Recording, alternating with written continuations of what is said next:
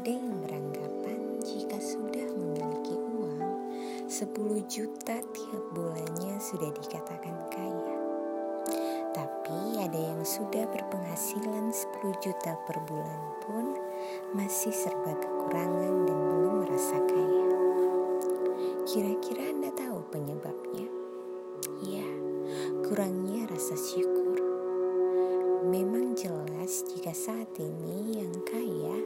semakin di depan dan yang miskin makin tertinggal. Sejatinya kaya bukan soal seberapa banyak harta yang dimiliki, tetapi seberapa banyak harta yang didistribusikan. Bukan soal aset semata, tapi soal mindset. Kaya sesungguhnya adalah ketika penghasilannya bertambah besar, tetapi kebutuhannya tetap.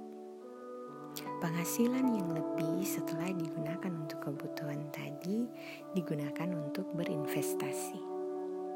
Lalu kenapa ada orang kaya yang miskin dan bablas miskin? Bisa jadi mereka tidak memperdulikan seberapa besar penghasilannya. Semua penghasilan dan pendapatannya akan masuk dalam daftar pengeluarannya. Misalkan, saat penghasilannya bertambah, mereka memberanikan diri mencicil mobil mewah, gadget terkini, mencicil rumah mewah, dan mencicil hal lain yang sebenarnya tidak dibutuhkannya. Menurut Robert Kiyosaki, aset adalah segala hal yang menghasilkan pemasukan, sedangkan kewajiban adalah semua hal yang menyebabkan pengeluaran. So, Kapan Anda merasa kaya? Dan satu pertanyaan.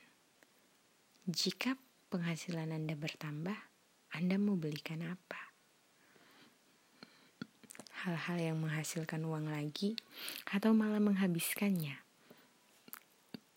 Kaya itu luas. Jika ditanya siapa yang tidak ingin kaya, tentu tidak ada yang mau menjawabnya. Bahkan orang stres sekalipun.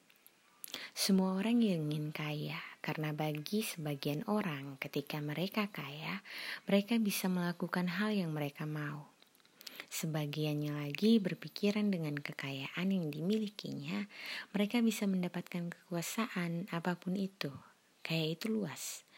Namun, kebanyakan dari kita mempersempit definisi kaya itu tersendiri. Kita lebih mendefinisikan kaya dengan materi atau harta.